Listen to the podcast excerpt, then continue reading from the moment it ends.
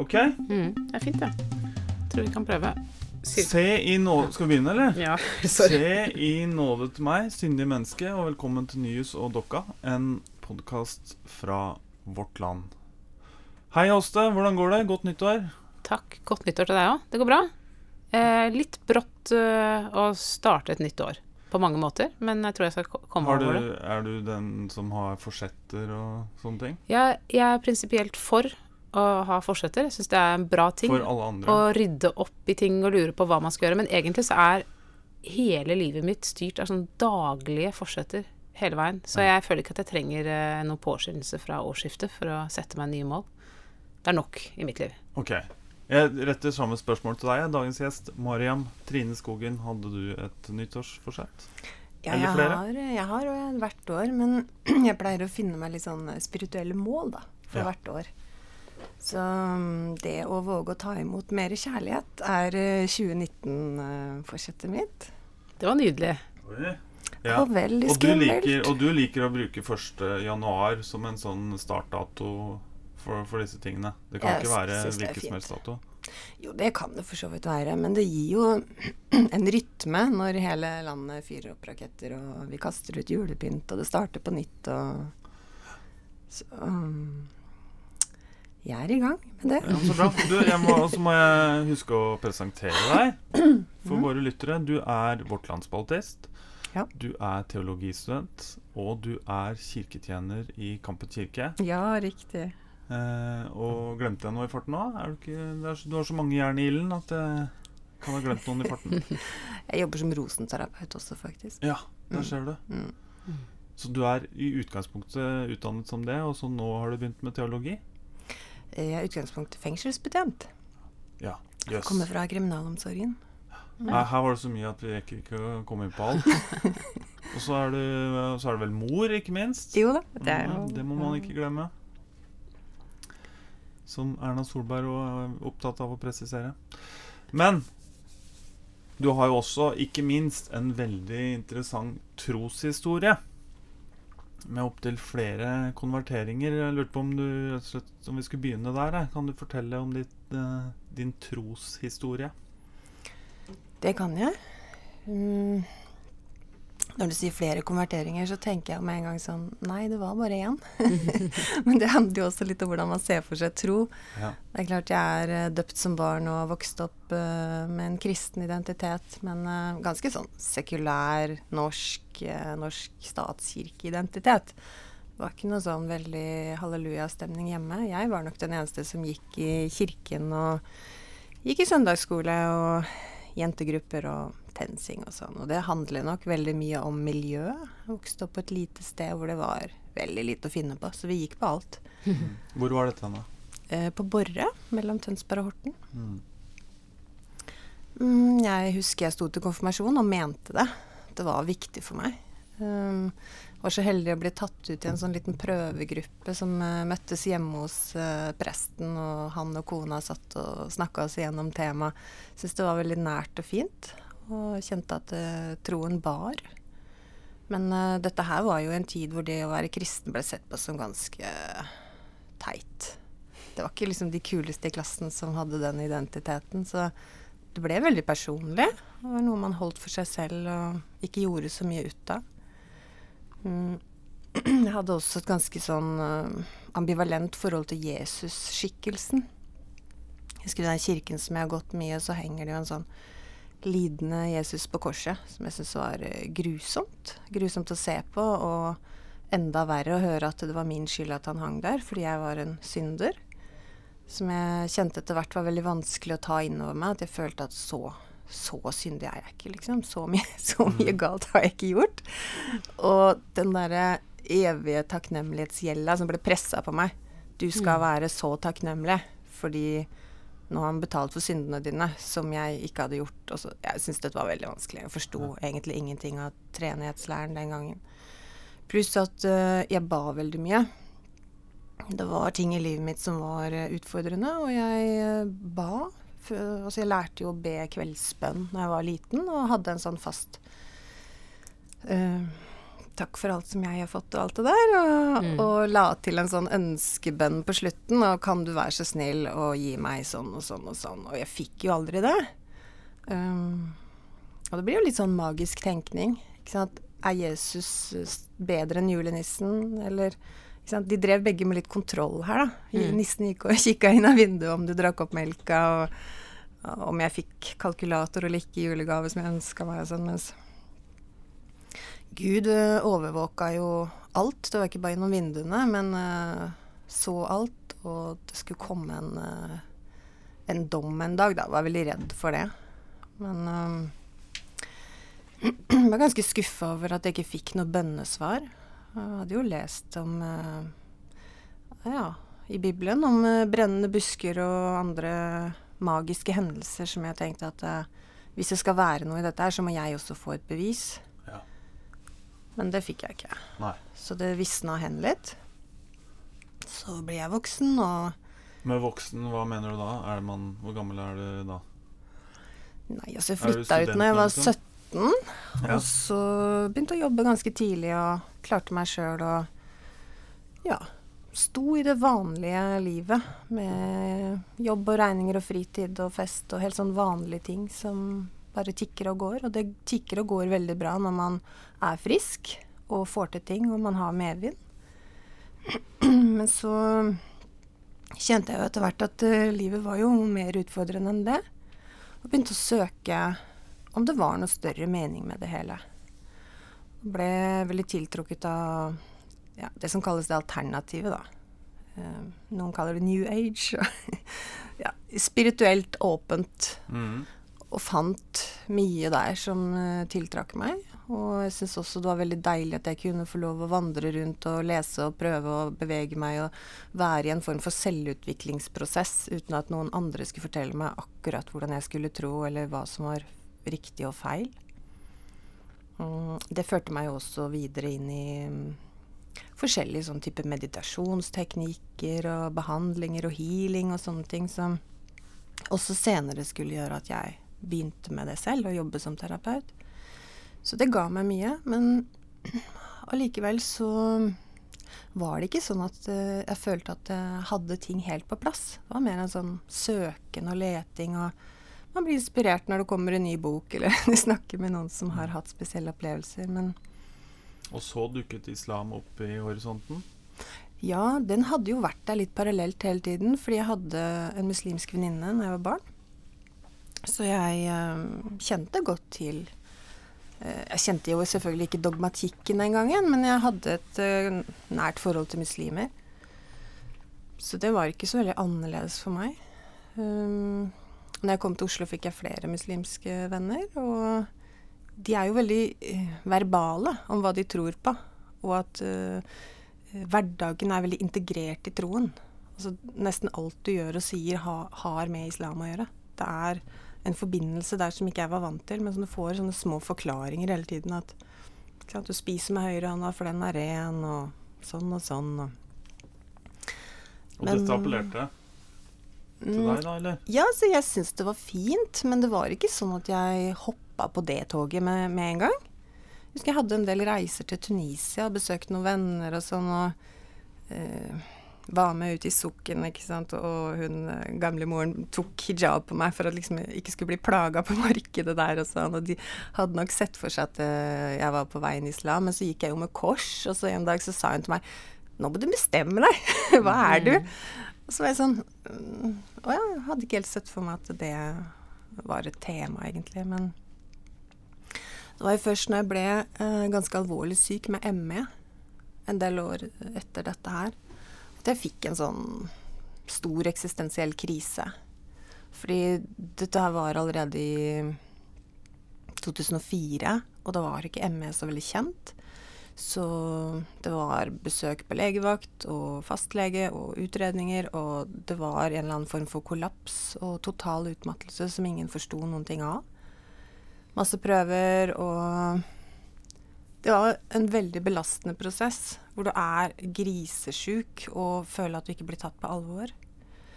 Mm, og det er klart, når legen ikke finner ting, så blir det litt sånn ja ja, Kanskje du er litt sliten, da. Eller litt sånn mentalt, ikke sant. Kanskje du er litt utbrent eller noe sånt. Men jeg trente veldig mye. Og fra å trene liksom fem dager i uka og løfte tunge vekter, til å plutselig ikke kunne gå opp en trapp, ikke kunne ha pust til å føre en samtale, f.eks., så var det helt innlysende at det var noe alvorlig galt. Det tok jo flere år før jeg faktisk fikk ME-diagnose. Men jeg lå der i senga og var kjempesjuk og tenkte at nå dør jeg Jeg hadde jo veldig ujevn hjerterytme, jeg kunne nesten ikke reise meg opp og gå på badet, jeg måtte ha masse hjelp hjemme. Og jeg begynte å forestille meg da, hva som skjer idet jeg dør. Praktisk. Noen kommer og henter kroppen og arrangerer en eh, gravferd og Ja. Og hvor blir det av meg, liksom? Mm. Jeg skal møte Gud. Ja. Og det var veldig sterkt. Sterke opplevelser. Jeg forestilte meg at hva, hva skulle jeg svare, da? Hvis Gud sa sånn Ja, hva syns du om dette livet jeg ga deg? Og det Jeg ble veldig grepet av en ærefrykt i den tanken om å møte Gud, og tenkte at jeg har gjort en dårlig jobb. Jeg har eh, vært ganske egoistisk og levd i øyeblikket og tenkt mye på meg sjøl. Jeg har ikke vært et slemt menneske, men jeg har virkelig ikke lagt meg i sela for å hjelpe andre heller. Og hvor mange dumme krangler eller konflikter man kan komme opp i fordi at man tenker veldig kort istedenfor å tenke at det er noe større, da. Vi trenger hverandre mye mer enn vi trenger å ha rett, f.eks.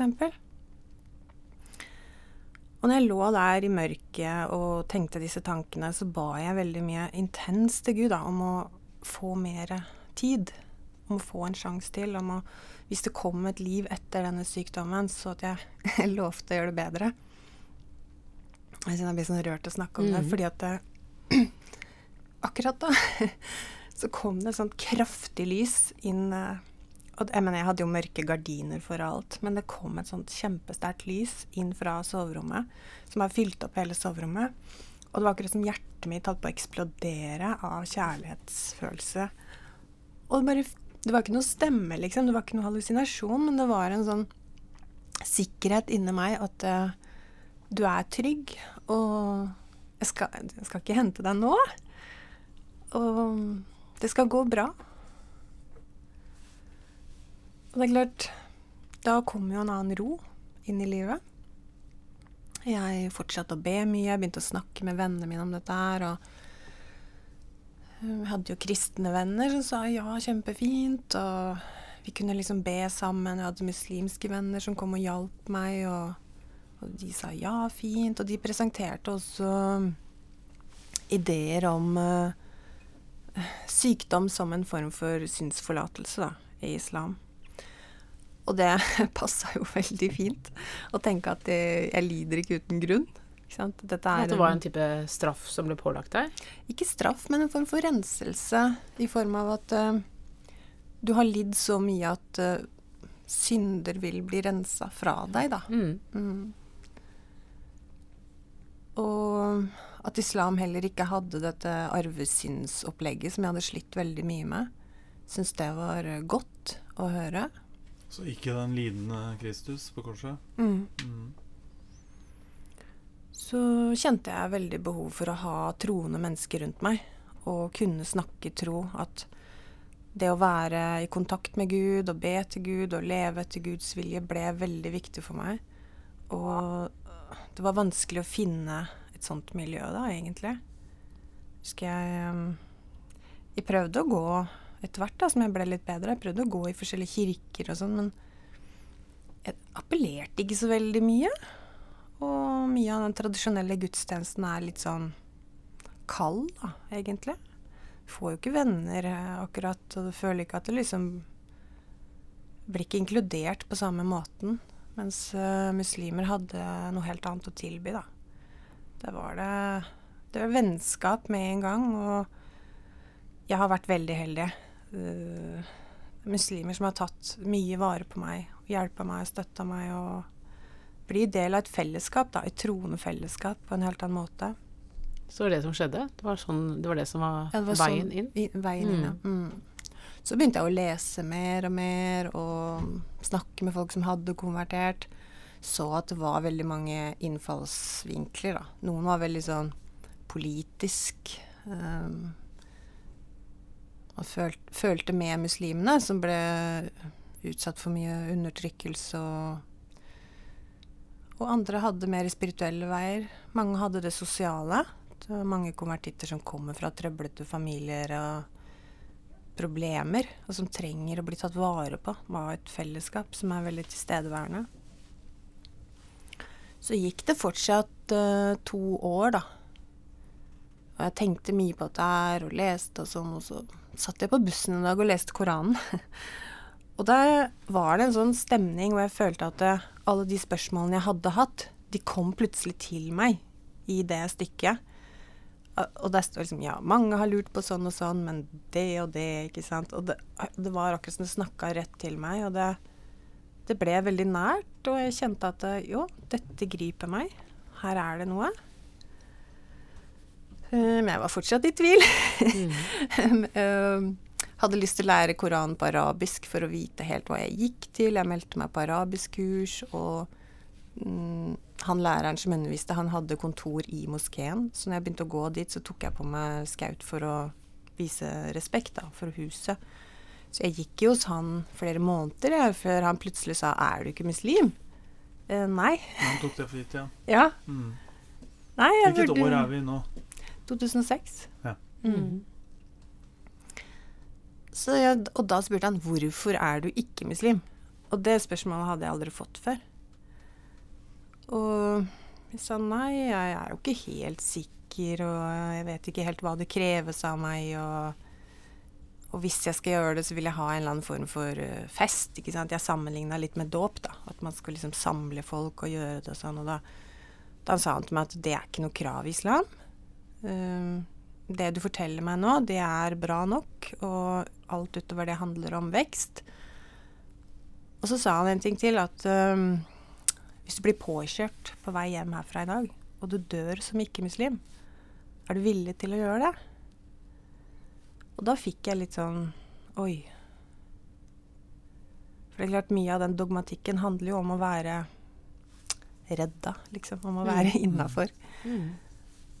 Og da tenkte jeg OK, jeg gjør det. Og så gjorde vi det der og da. Og da var du muslim. Da var jeg muslim. Fikk du en sånn derre Det er mange som forteller at de blir nesten litt sånn forelska i en sånn fase. Ja. At man blir helt uh, forgapt i det nye. Var det sånn for deg? Ja. Jeg blei helt svimmel, jeg. Og når jeg kom ut, så tenkte jeg at jeg har større sjanse for å bli påkjørt nå. altså skal du liksom begynne å ringe rundt og si det til folk. Og hvordan skal, dette er jo en prosess som hadde pågått veldig lenge inni meg. Så det var jo For mange rundt meg visste ikke dette her. At det var noe jeg gikk og tenkte på. Um, Fikk du den seremonien du så for deg? Nei. Nei. Eller både litt. Det er en venn av meg som hadde eh, Han skulle ha en sånn slags alternativ konfirmasjonsfest da, for sønnen sin, bare at de er muslimer. Hvor de hadde bedt imamen hjem og masse mat og litt sånn sang. De er fra Gambia, altså det er en litt annen tradisjon enn det arabiske. Så uka etter så avla jeg en ny trosbekjennelse der med den imamen, og fikk en sånn sertifikat, da, sånn at du kan liksom reise til Mekka hvis du vil, og sånn. Og da hadde vi litt fest og gaver og Men det ble jo ikke med min familie, det ble det ikke. Og Nei. venner og sånn. Det skulle vise seg å være veldig vanskelig. Ja. For det nettverket du hadde. Ja. At du ble muslim. Ja. Mm. Mm. Men da, da ble du muslim i 2006, Mm. og levde eh, det livet ganske lenge. Mm. Før det skjedde noe nytt for noen Mm. år siden. Mm. Vil du hoppe dit? Ja, spole framover til um, Det er vel eh, 2016, når jeg begynner på teologisk fakultet. Og hva var motivasjonen din for å begynne å studere på teologi? Eh, det var egentlig å bli tatt på alvor.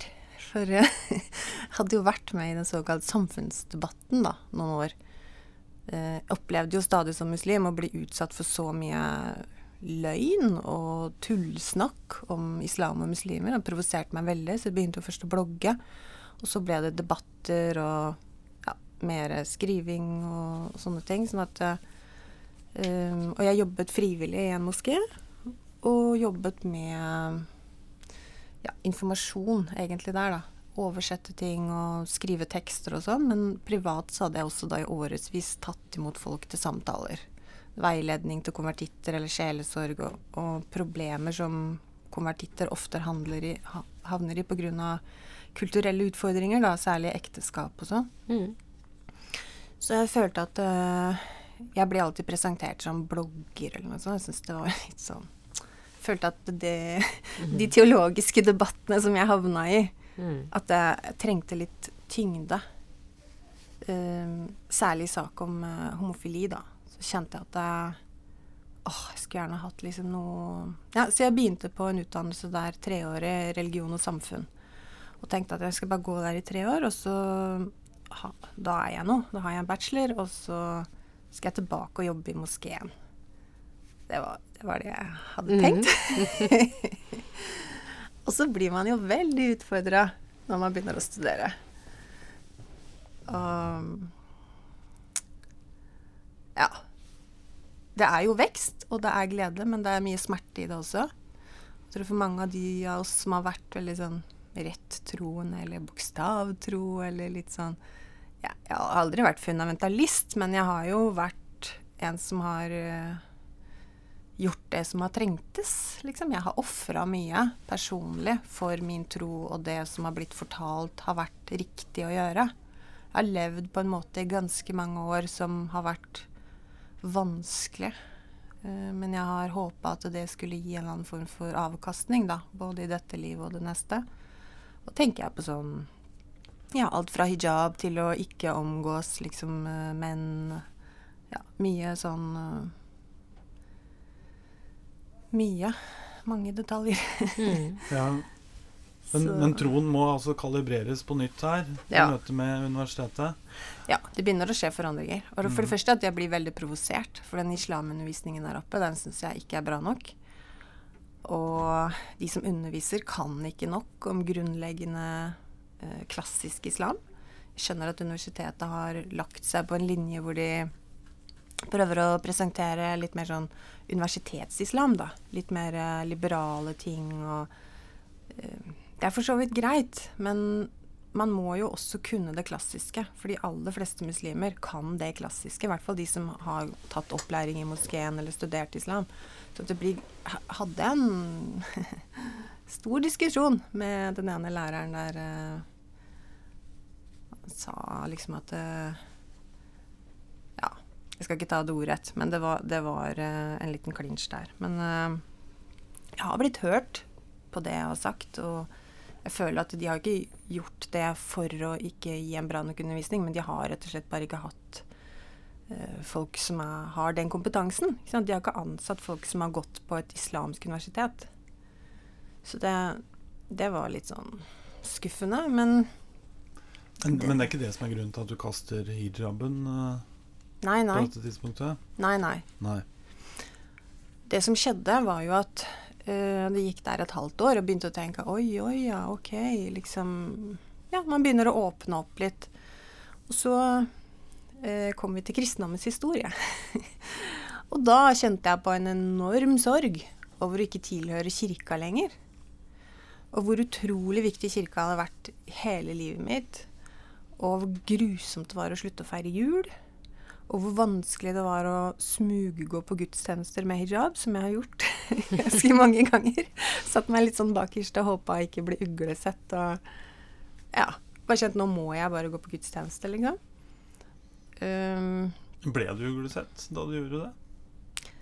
Det er vanskelig å, å gi definisjonsmakt til det blikket. Men ja. jeg har opplevd prester som har sett på meg på en ikke vennlig måte med hijab, ja. Mm.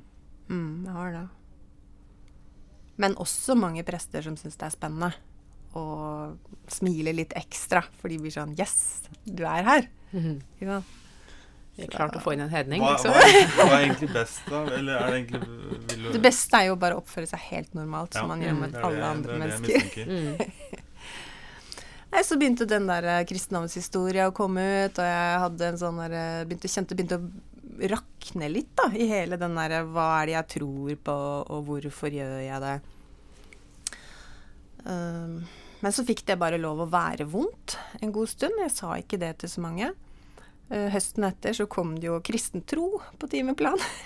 Mm. Mye kirkehistorie og dogmatikk og sånn, og da hadde veldig spreke lærere, altså, som var uh, personlige og delte også egen liksom, tvil, kanskje. Vi begynte å diskutere arvesyn, så sier to av dem at nei, det der tror ikke vi på heller.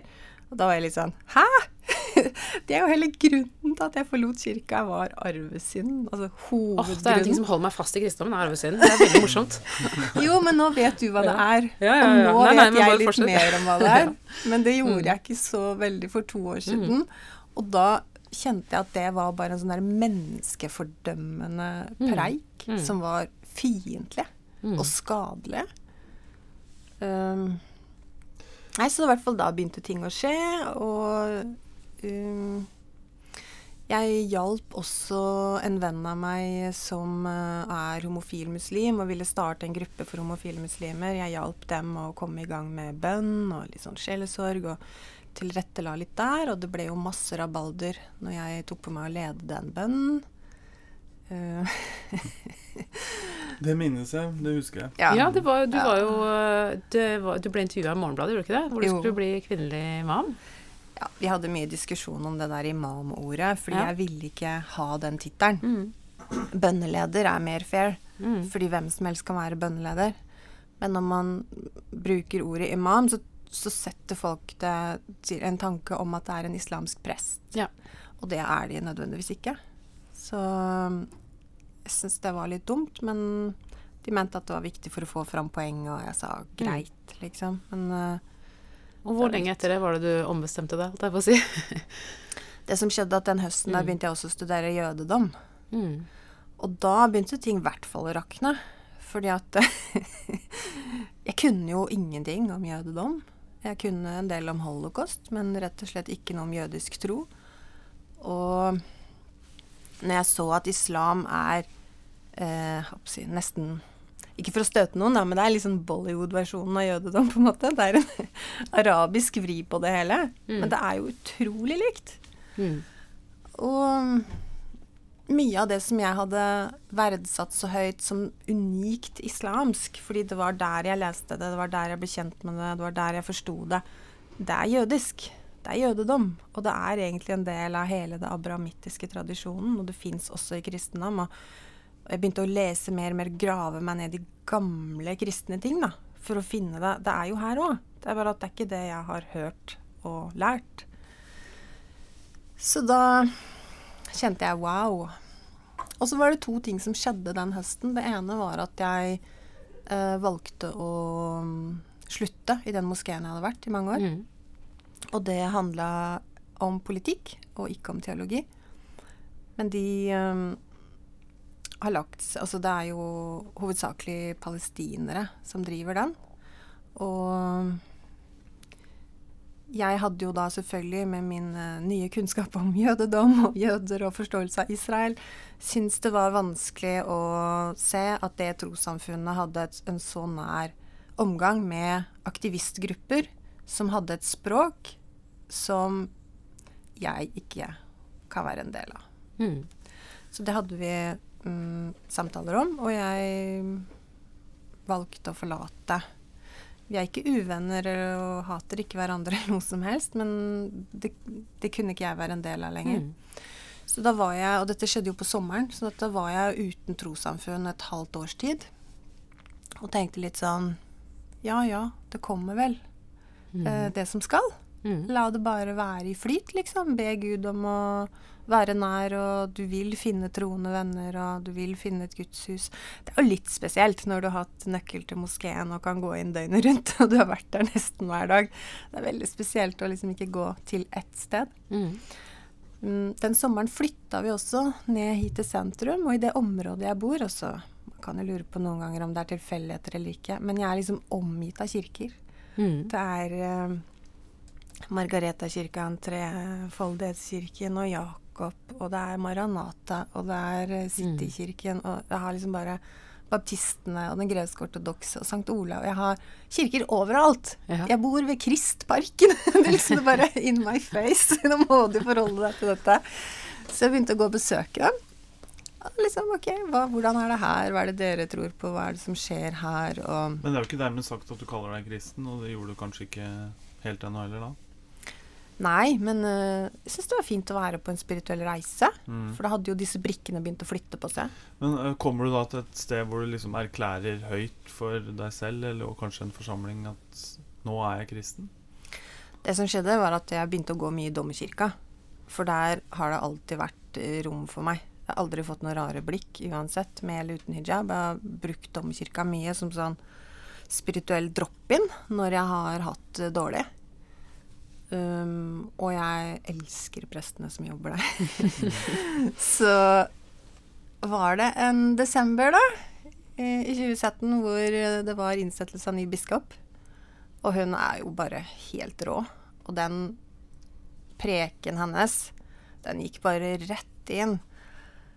Og da kjente jeg at eh, Og nå Den er det Kari Weiteberg vi snakker om? ja, ja, den kirka her vil jeg være med i. Mm. Det var det jeg satt med. Gikk jeg rett hjem og logga inn på Norske kirka og innmelding. Oi, oi, oi. Og det var deilig. Og så holdt Mm. jeg den hemmeligheten litt for meg selv. Mm.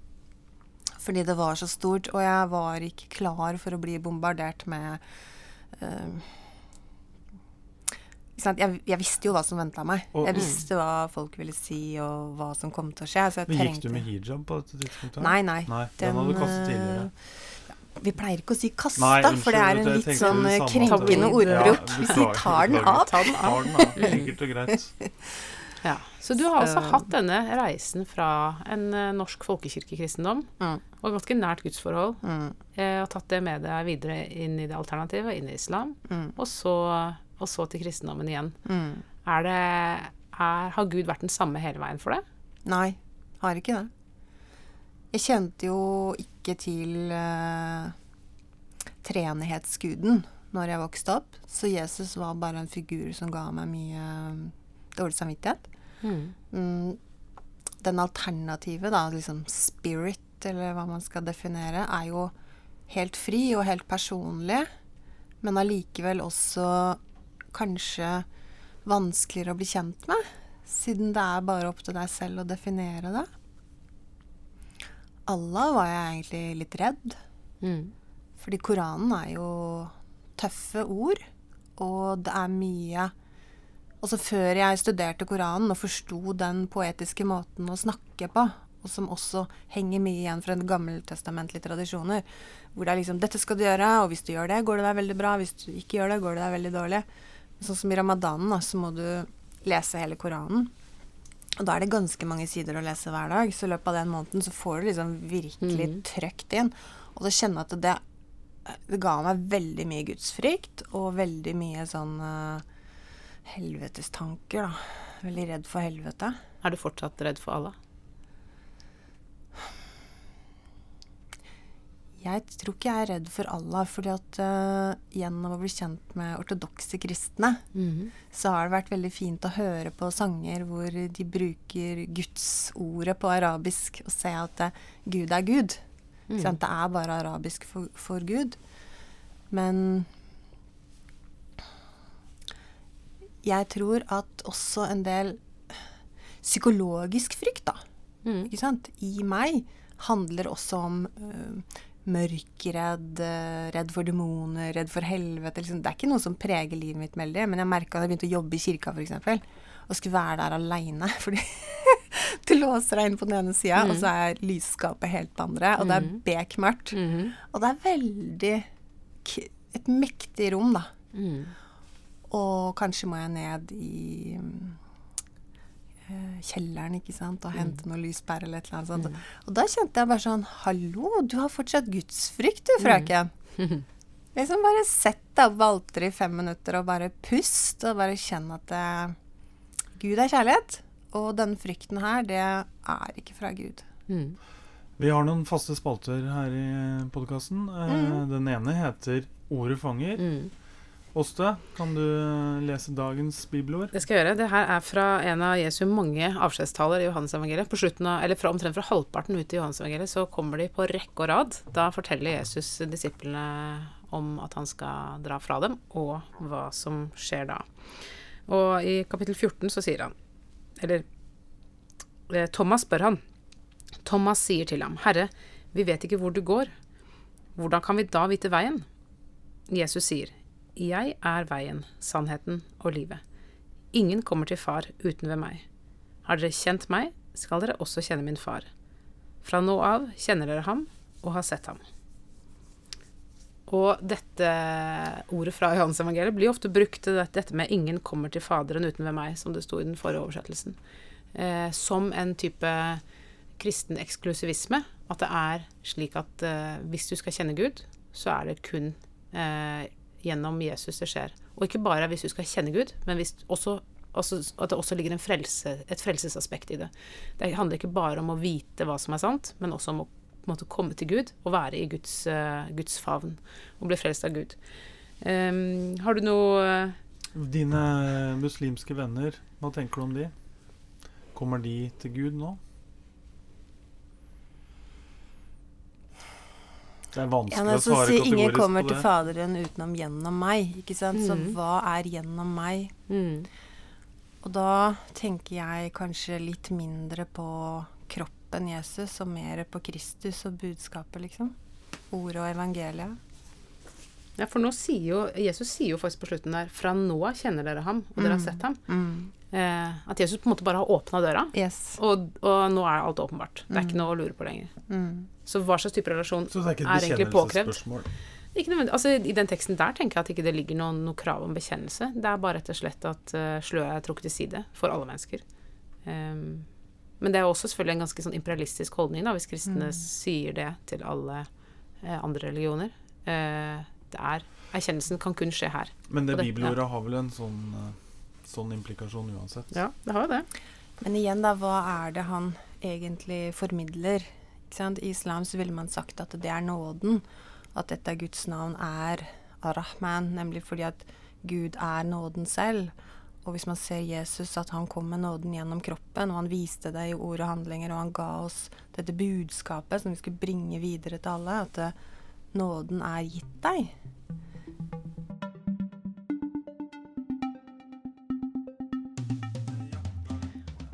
Er, det, er det sannhet i alle religioner? Det er mye vakkert i alle religioner. Men uh, jeg tenker at uh, det er veldig Altså, Gud er jo et mysterium. Og det ville vært veldig smålig av meg å si at min oppfatning er den riktige, og din er feil. Syns det er vanskelig f.eks. i ordinasjonsløft og sånn, da. At man skal uh, formane til omvendelse og sånne ting. Det er jo mm. noe det jeg går og tenker mye på. Men ja, men det er jo noe der som gjør at du hadde lyst til å komme tilbake. Det er akkurat det. Og det som skjedde semesteret etter denne innmeldingen, var jo at jeg skulle ut i praksis. Ja. Jeg skulle jobbe i en menighet. Ja, for da hadde du skifta eh, fra religion og samfunn mm. til teologistudier, rett og slett? Riktig. Mm. Kjente det etter ett år, at det var teologien som frista, og at jeg ville den veien, og spurte om uh, å få lov til å bytte. Og det var helt i orden. Men det er klart, det var jo litt sånn spenning rundt det der med praksis. Uh, hvor er du nå trosmessig, og hvordan blir det for deg å jobbe i en kirke og eh, stå i sakramentene? Ikke sant? Det er ikke sånn at alle teologistudenter må ha troen sin spikra 100% men det var jo ønskelig, kanskje Det var ingen som sa det rett ut, men uh, at jeg i hvert fall var medlem av Den norske kirke, da. Mm. Og det forstår jeg. Og det var jo ingen som visste Altså læreren min visste det, og presten og veilederen og menigheten visste at jeg var medlem av Den norske kirke, men det offentlige Norge visste det ikke mm. enda. Mm. Så når jeg begynte i praksis og fikk telefoner, da, særlig fra de kristne avisene selvfølgelig, om at uh, noen hadde tipsa dem om at jeg var i praksis og sto og delte ut nattverd. Jeg tror til og med Vårt Land var blant de avisene som det ringte. Det var dere.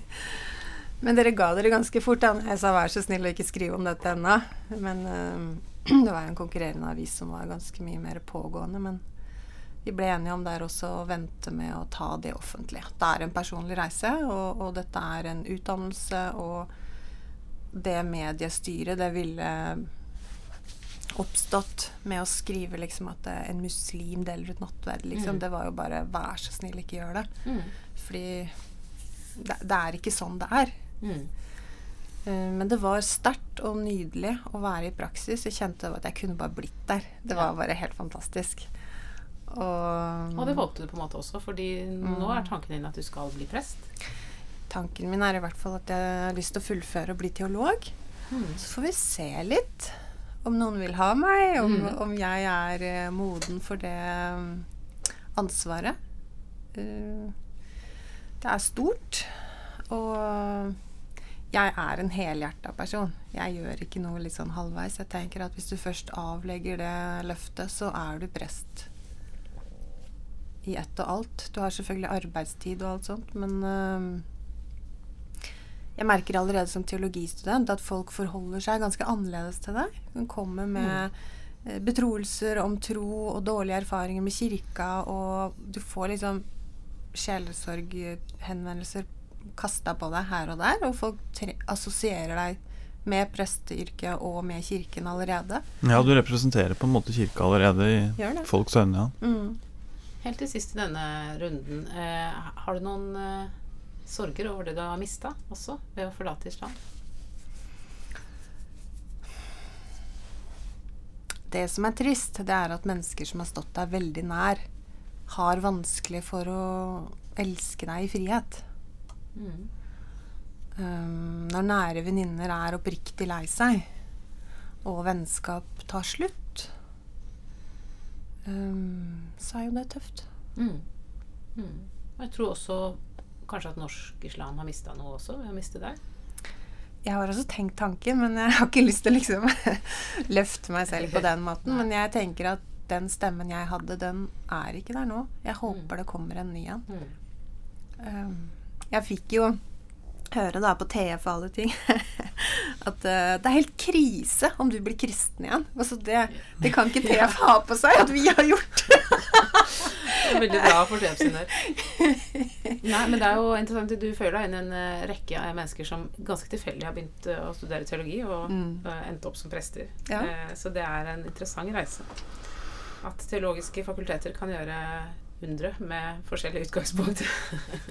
du får deg jo til å tenke, og, og praksisperioden er ganske um, skjellsettende. Jeg gleder meg veldig til neste praksis. Det var også derfor jeg søkte på jobb som kirketjener. Det er for å være i kirka. Mm. For å være der hvor det skjer. Følge kirkeåret. Være litt backstage. Snakke litt med prestene og egentlig med alle. Alt det vi skaper sammen. Uh, Syns det er eh, helt fantastisk. Og nå som jeg har lært hva en gudstjeneste faktisk er, hva vi gjør, hva vi sier, hva vi synger, hva vi har der, så, så tenker jeg dette er en gullgruve. Altså Alternativmessig kan bare gå og vogge, men, men folk vet ikke. Eh, ikke sant? Fordi hva er det? Før jeg begynte å studere teologi, det er harde benker, det er tidlig om morgenen, det er gamle salmer, det er en trøtt preken og bitter kaffe, liksom. Det er jo, det er jo ganske kjedelig. Det går jo heller på kaffebrenneriet. Mm. Men når du Når du har et annet blikk, da, så er det jo ikke det du kommer for. Det er jo for å feire. Mm. Og med det tar det oss til uh, vår siste og avsluttende spalte, som heter Bordet fanger, hvor du uh, tar opp et tema som kan vekke gjenklang rundt det neste middagsselskapet du skal i. Åste, begynner med deg. Mm. En ting jeg har tenkt litt på i det siste, er uh, den derre eh, Det som jeg gjorde kanskje mer før, ikke så mye mer nå, men som kanskje jeg lurer på om er noe gjenkjennelse hos de andre som sitter rundt middagsbordet. Og det er det er når man prøver å like noe som man ikke umiddelbart egentlig likte. Altså når man, liksom, man prøver å like oliven eller man prøver å like kaffe og sånn. Det har vi jo, den har vi alle vært igjennom. Eh, men også når man prøver å like eh, en type musikk eller eh, det ene med det andre. Og også når det, det, synes det mest sånn spesielle med det er når man ikke har skjønt at det er det man driver med. Eksempel så tok det meg utrolig lang tid før jeg skjønte at jeg ikke liker å reise. Jeg liker ikke å reise i det hele tatt. Men det tror jeg var liksom 25 år før jeg innså det. Eh, fordi man, man reiser jo. I ferien så reiser man. Og det er en ting som man driver med. Og det Og så skjønte jeg plutselig Det hater jeg. Ja, Mens Eh, du dro rundt på tunge ryggsekker på interrail eller noe Nettopp. sånt. Nettopp. Alt det der. Ja. Syns ikke det er noe gøy i det hele tatt. Eller det er jo bitte litt gøy, men alt det som er dritt, det liksom veier opp. Eh, så eh, jeg vil egentlig bare høre litt om Er det noen som har klart å begynne å like noe som de ikke likte i utgangspunktet, eller blir man bare egentlig enda mer drittlei? Jeg husker jeg fikk en Jeg hadde et veldig nært forhold til De Lillos da jeg var ungdom. Hørte masse på De Lillos-plater. Så kom Så fikk jeg den Hjernen er alene-plata. Og tenkte jeg yes, en ny plate, liksom. Eller jeg vet, den var kanskje ikke ny, men jeg, den var ny for meg. Så hørte jeg på den liksom hver dag. Mange ganger hver dag. Og til slutt så skjønte jeg sånn Jeg liker jo ikke denne plata i det hele tatt. Syns den er forferdelig.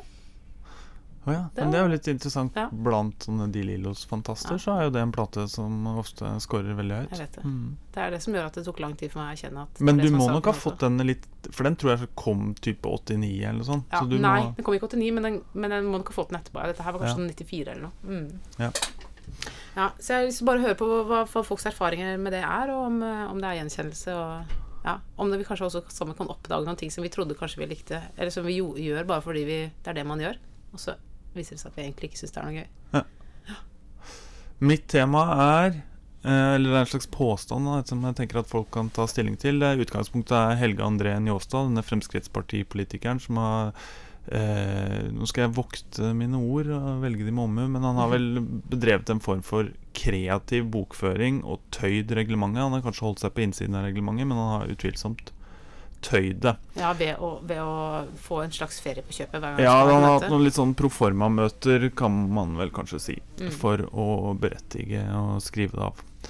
Um, så spørsmålet er altså, Og jeg er helt overbevist om at han har gjort dette med utmerket god samvittighet. Han har følt seg berettiget til det.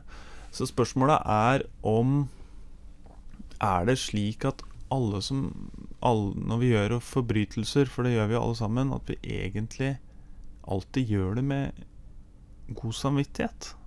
At vi all, sjelden tenker at 'nå gjør jeg noe galt', og så gjør jeg det likevel. Vi finner, er det slik at vi alltid finner en måte å rettferdiggjøre dårlige handlinger på? Og hvis det er så, er, hva, er, er ikke det en slags fallitterklæring, for samvittigheten som sådan? Hvis, vi, hvis den ikke er verdt noen ting som sånn eh, å navigere etter. Mm. Det er spørsmålet som Mm. forsamlingen skal ta stilling Ja. til. Det er et bra spørsmål. Ja, veldig bra. Jeg tenker jeg håper jeg er i den middagen. Ja, ja men jeg skal ikke se bort fra det. Har du noe, Mariam, helt til slutt? Mm. Jeg skal i hvert fall ikke snakke om bil og Oslo. Nei, For ehm, det det ødelegger stemningen. Det, Kan gjøre, i det hvert fall. kan bli ganske skurrete. Jeg, jeg er ikke så innmari god på smalltalk. Jeg føler jeg er veldig god på big talk. Men det er liksom Det er veien inn dit, da. Og jeg har jo erfart sånn uh, kirkekaffe, f.eks. Møter uh, fremmede mennesker og skal liksom slå av en prat. Så er det jo de safe temaene som alltid funker for å liksom komme litt i gang. Snakke om været eller noe som skjer i tiden. og så plutselig blir det litt personlig, og da er jo inngangsporten der. Da, og det har jeg erfart på middagsselskaper og fester og uansett hvor det er. Og folk liker å bli sett, og de liker å få lov til å fortelle det som Mm. ligger hjertet nært. Så det å vise at du er med hele veien, og er i den samtalen når de begynner å fortelle, er veldig viktig. Så det tror jeg man kan gjøre på middagsselskaper også. Det gjelder å finne de der gode spørsmålene, som faktisk Mm. åpner opp en type ærlighet, eller eh, Ja. ja. Ja. Men jeg husker en gang så møtte jeg en fyr, og så presenterte vi oss for hverandre. Og så sa han Åste, ja. Det var et stygt navn. det syns jeg ikke var en strålende replikk fra hans side. Jeg tenker Det er jo veldig sjelden man blir møtt på den måten. Og det var sagt på en måte en ganske sånn med lave skuldre. Fikk vi en ganske morsom samtale eh, ut fra det. Eh, så det fins jo mange måter å åpne Han mente det også, han sa det ikke bare Ja. for å Nei, jeg tror han mente det. det iverksette ja. Mm. Mm. Så kanskje på et nivå dårlig på smalltalk, samtidig en morsommere samtale enn en, enn en stillhet fra hans side. Så kommer det veldig an på om det er promille i bildet eller ikke. Ja. For uh, uh, i norsk kultur så er folk gjerne litt tilbakeholdne når vi er edru. Så når folk tar seg noen glass, gjerne et middagsselskap, da så kommer det jo Kommer det mer følelser ut. Da kan jo de samtalene bli ganske annerledes.